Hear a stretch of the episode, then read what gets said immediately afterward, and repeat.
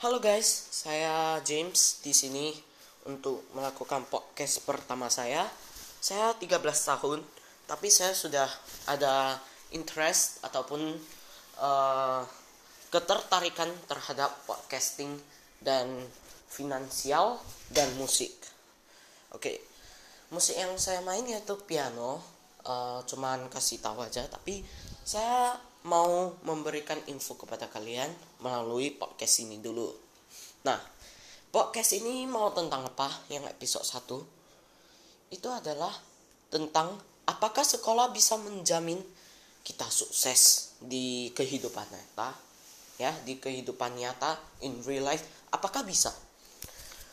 Menurut saya sih jawaban simpelnya aja itu mungkin menambah chance lah ya kan? Menambah kesempatan untuk sukses. Tapi ini tidak akan memberikan jaminan anda untuk sukses. Ingat nilai A semua nilai 100 semua tidak akan menjamin kalian sukses. Mungkin saya belum tamat sekolah tapi mengapa saya tahu ini? Saya lihat banyak teman orang tua saya ataupun ya paman-paman ataupun keluarga jauh mereka cenderung pinter segalanya. Nilainya 100 hampir semua. Yang tidak 100 cuman es musik uh, sama penjas ya kan? Hafalannya bagus banget. Besarnya gak jadi apa-apa. Cuman kerja di kantor ya gaji 5 sampai 6 juta gitu. Mengapa bisa begitu? Itu pertanyaan saya. Saya pernah uh, tanya ke YouTube mengapa bisa gitu. Jadi Didi Corbuzier menjawab. Nah, ini pendapat saya agak berbeda ya dengan Master Corbuzier dengan Om Deddy Corbuzier. Nah, uh, karena Om Deddy bilang bahwa kita gak usah kuliah ya kan dia udah pernah bilang kita bisa sukses tanpa kuliah. Well, uh, harus kuliah sih kalau kita tinggal di Indonesia. Kalau di luar negeri gak usah. Soalnya mereka gak lihatin uh, jenjang pendidikan anda. Mereka lihat lo bisa apa? Misalnya lo bisa editing kerjakan ini. Nah lo langsung bisa diterima kalau kerjaannya bagus. Kalau di sini mereka harus lihat ijazah dulu. Lihat ijazah lihat mana yang CV-nya CV-nya yang baik-baik yang bagus-bagus yang lengkap biodatanya yang lengkap dengan skill yang tertera baru diterima masuk uh, disuruh kerjain satu hal. Nah mengapa gak menjamin sukses? Itu dulu ya. Tadi yang saya bilang mengapa orang-orang yang nilainya 100 semua gak bisa sukses kerja di kantor? Well cukup simple saja sih jawabannya satu pemikiran terlalu banyak. Nah, mengapa dia bisa pikir banyak-banyak? Karena ya karena dia pinter di banyak hal, ya kan? Dia pinter di banyak hal, dia mikirnya banyak. Wah, saya pinter di mata, mau ambil mata gak ya? Waduh, saya juga pinter di IPA, IPA, ilmu pengetahuan alam. Mau ngambil gak ya? Wah, saya juga pinter di pelajaran geografi, mau jadi orang yang bicara tentang geografi gak ya? Nah dia itu otomatis dia kehilangan arah. Itu yang pertama menurut saya uh, pribadi ya. Dia kehilangan arah untuk memilih jalan hidupnya. Jadi kuliah-kuliah tes lah yang mana yang masuk. Aduh ini gak masuk ini gak masuk. Oh ini masuk masuk nah itu salah banget yang kedua adalah dia berpikir pendek. Apa yang dimaksud dengan berpikir pendek ya kan? Artinya dia memikirkan hal yang short term. Hal yang sebentar aja udah lewat misalnya ujian sekolah ya kan? Saya bukan sedang mengejek institusi saya bukan sedang mengejek sekolah tapi sekolah sistemnya salah. Dia ini sekolah ya dia itu dia, beliau itu adalah uh, mungkin yang ada di sekolah-sekolah ya kan uh, guru-guru ataupun kepala sekolah.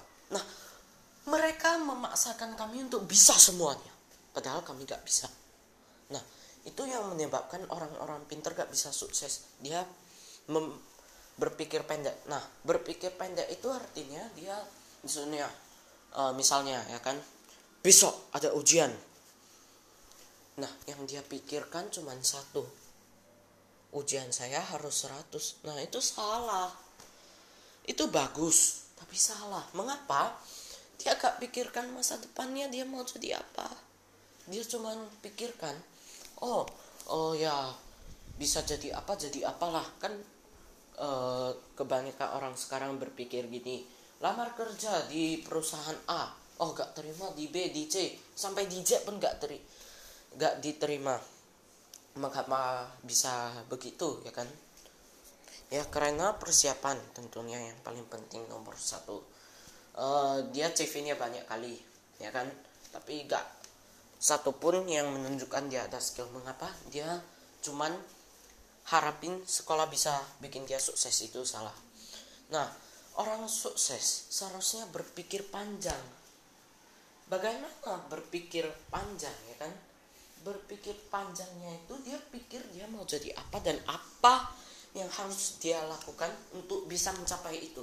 Misalnya seseorang uh, katakan saja namanya dia A. Dia pinter di olahraga. Ya kita harus lihat dulu lah. Dia misalnya dia pinter banget basket. Dia mau jadi pemain basket. Dia udah fix. Dia gak mikirin lagi nilai sekolahnya. Pokoknya dia tiap hari latihan. Sekolah buat PR uh, sebentar aja dia latihan. Itu yang benar. Tapi sistem kita gak mengatakan itu. Sistem kita sistem pendidikan kita mengatakan bahwa harus bisa semuanya. Oke itu ya. Yang pertama juga saya gak suruh kalian menjadi anak yang uh, tolol, anak yang bodoh untuk gak bisa semua pelajaran. Harus ada yang mencolok, oke? Seperti um, misalnya seseorang mencoloknya di sejarah, ya udah belajar aja tentang sejarah di YouTube, Google, banyak website, banyak kali situs yang bisa kalian belajar. Kalian nggak perlu guru les terus, misal bisa les sejarah, di lesin sejarah gak usah. YouTube, Google semua udah ada sarananya.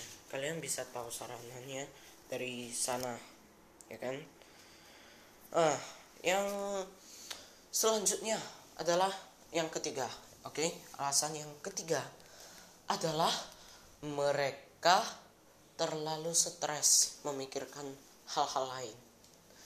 Dan uh, faktornya banyak sih. Pertama jam pelajaran terlalu panjang.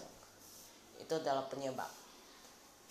Mengapa anak-anak sekarang ada yang sampai bunuh diri ya kan? Banyak itu. Nah karena itulah jam pelajarannya harus dikurangi sedikit aja lah. Dikurangi satu les saya sudah senang banget. Karena bisa lebih fokus ke arah skill. Ingat penjamin kesuksesan adalah skill.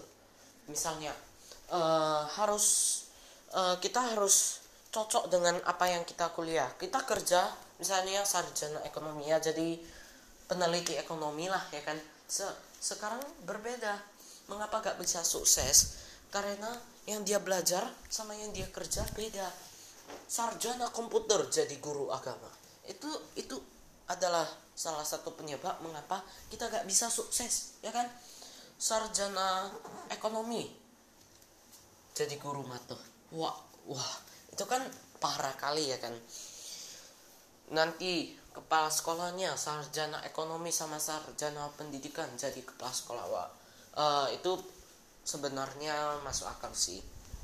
Cuman yang gak masuk akal itulah ada yang sarjana ekonomi jadi guru fisika. Itu kan kayak heran-heran gitu ya kan. Kita pun terbengong-bengong. Nah ada yang juga yang sarjana uh, komputer jadi pegawai bank. Mengapa? Pegawai bank paketnya komputer. Mengapa kok gak buka usaha? Karena dia pinternya di Excel sama Word itu dua yang diajarkan di sekolah. Dan itu salah banget itu pegawai yang pakai bukan bos. Bos pakai apa? Ya tergantung situasi juga ya kan? Kalau bos graphic design ya pakainya Corel iDraw kalau bos lain-lain misalnya bos perusahaan ikan uh, dia pakainya yang brosur ikan brosur yang ada ikan ikannya ya kan? Kalau dia gak mau orang yang cetak ikan. Nah itulah penyebab mengapa gak, menjamin sukses. Oke sekarang saya jabarkan yang kedua mengapa menambah chance? Karena pertama kalian uh, tahu tentang pengetahuan umum itu akan menambah chance. Tapi nambahnya dikit aja ya. Gak sampai 10% palingan 5% yang kedua itu adalah uh, ya karena ijazahnya aja sih bisa menambah chance karena lo butuh ijazah untuk kuliah ya kan? Nah uh, itulah apakah sekolah bisa menjamin kesuksesan?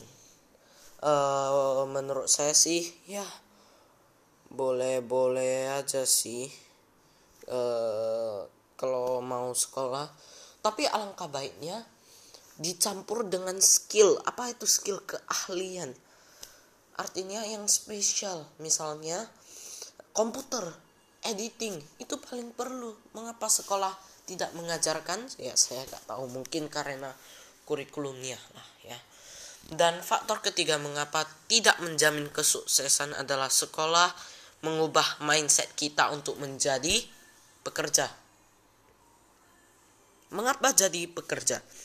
Karena dari TK guru-guru ataupun orang tua ini ada faktor orang tua juga ya bertanya kepada kami nanti kalau besar mau kerja jadi apa? Nah itu bahaya itu. Dia gak nanya mau buka usaha apa ya kan? Mau kerja jadi apa? Dokter polisi dan lain-lain. Dan orang tuanya gak tahu bahwa itu uh, gak bisa sukses kalau kerja aja. Harus buka usaha. Nah bagaimana untuk buka usaha? Kita harus otodidak. Belajar sendiri di rumah dari Google dari YouTube. Banyak sekali platform yang bisa kita pakai. Ya kan? Jangan cuma harapin sekolah. Sekolah harus dipelajari uh, ya kan? Tapi bukan semuanya harus dipelajari. Kadang-kadang harus ada yang pilah harus ada yang dipilah-pilah seperti sekolah saya. Saya aneh loh. Pelajaran penjas. Pendidikan uh, jasmani ya kan?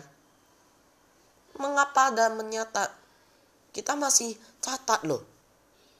Nyalin-nyalin banyak kali ya kan?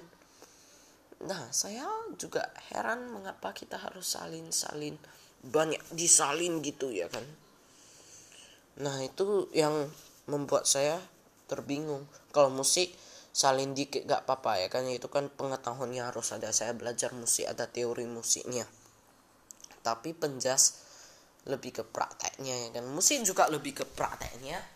Nah itulah uh, mengapa gak bisa sukses karena sekolah mengubah mindset kita jadi pekerja? Mengapa kita harus bisa di segala hal bisa di segala hal seperti seorang office boy OB kita harus bisa di segala hal ya kan? OB bisanya nyapu bisa nyiapin kopi buat pekerja bisa komputer dikit-dikit Microsoft Word sama Excel bisa panjat tangga di atas uh, benerin bohlam nah itu salah. Seharusnya kalau mau jadi pengusaha harus mencolok di satu bidang. Misalnya peng pengusaha rokok dia harus tahu tentang rokok dulu dan strategi marketing Nah, itu saja episode uh, pertama saya. Ya, episode kedua uh, nanti akan ada lanjutannya mengapa gak bisa sukses, mengapa sekolah gak menjamin Anda sukses dan apa faktor-faktor lainnya, oke? Okay? Uh, eh, salam sejahtera jika ada kata-kata yang meninggung atau menyakiti kalian mohon maaf. Uh, salam penutup dari saya James. Selamat bertemu kembali di episode selanjutnya.